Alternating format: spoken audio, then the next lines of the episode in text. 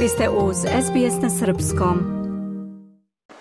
U Muzeju nauke i tehnike u Beogradu u toku je izložba Milutin Milanković 100 godina od reforme Julijanskog kalendara koja će trajati do 29. februara. Milanković je bio građevinski inženjer, matematičar, astronom, klimatolog, geofizičar, doktor tehničkih nauka, akademik, osnivač katedre za nebesku mehaniku na Beogradskom univerzitetu. Izložba je bazirana na arhivskim dokumentima, bibliografskim podacima, ličnim predmetima, opisima najznačajnijih događaja iz života i rada Milankovića, kao i eksponatima Muzeja nauke i tehnike. Centralna tema izložbe je stogodišnjica Milankovićeve reforme kalendara, revolucionarne prekretnice u usaglašavanju dužine kalendarske godine sa dužinom prirodne astronomske godine. Reforma Gregorijanskog i Julijanskog kalendara, koja je vodila izgradnji jedinstvenog, do sada najpreciznijeg Milankovićevog kalendara, prihvaćena je na Sve pravoslavnom kongresu u Carigradu 1923. godine, ali nikada nije primenjena. Otvarajući izložbu pred brojnim zvanicama i posetiocima, Zoran Knežević, predsednik Srpske akademije nauka i umetnosti, je rekao da je Milanković bio izuzetna pojava u srpskom duhovnom prostoru. Zatim je nastavio. Čovek koji je svakako jedan od naših najvećih, ako ne i najveći naučnik, koji je zapravo čitav svoj stvaralački vek proveo radeći s jedne strane sam, a sa druge strane i u najvećem delu svog stvaralačkog života radeći kod nas. Dakle, radeći u jednoj sredini, u jednoj skromnoj sredini koja nije mogla da mu ponudi sve one koja je mogla da mu ponudi samo ograničene jeli, mogućnosti i ne sve ono što je mogao da ima da je radio negde na nekom drugom mestu.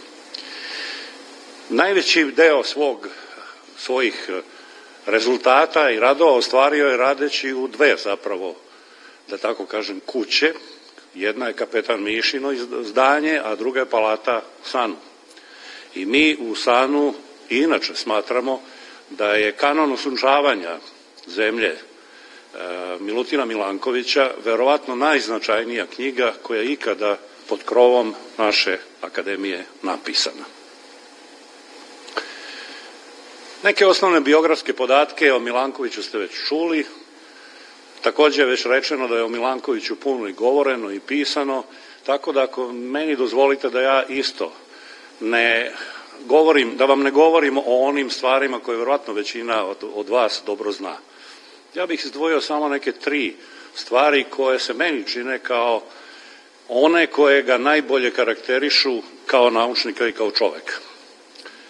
Milutin Milanković je bio paradigma onoga što danas nazivamo multidisciplinarnošću.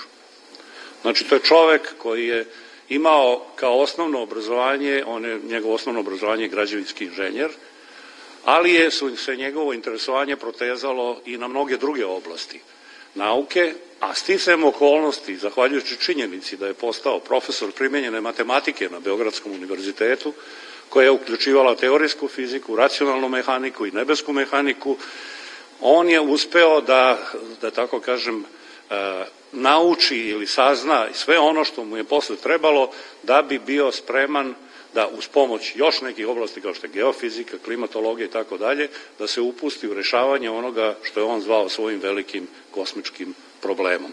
I što je bio jedan izuzetno zahtevan i kompleksan zadatak koji uključuje, evo kao što sam rekao, jedan veći broj različitih naučnih oblasti. Danas je zapravo verovatno teško i zamislivo u tom današnjem vremenu superspecializacije da zapravo neko može da na određeni način tako efikasno i tako e, dobro poveže e, jedan tako veliki broj različitih naučnih oblasti.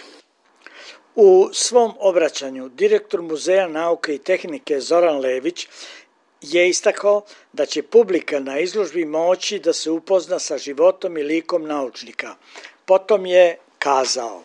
A, u realizaciji ove izložbe ono što ja volim da potenciram jeste da je a, međumuzejska i međuinstitucionalna saradnja je jako bitna. Tako da na ovoj izložbi ono što možete videti jeste a, iz fundusa udruženja Milutin Milanković, ali isto tako iz fundusa Srpske akademije nauke i umetnosti.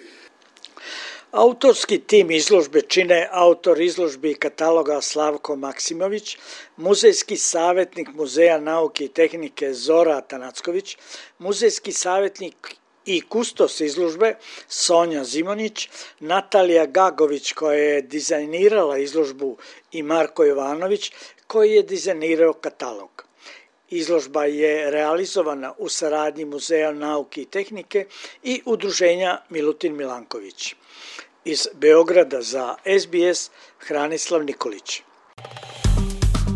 Dajte like, podelite, komentarišite, pratite SBS Serbian Facebook profil.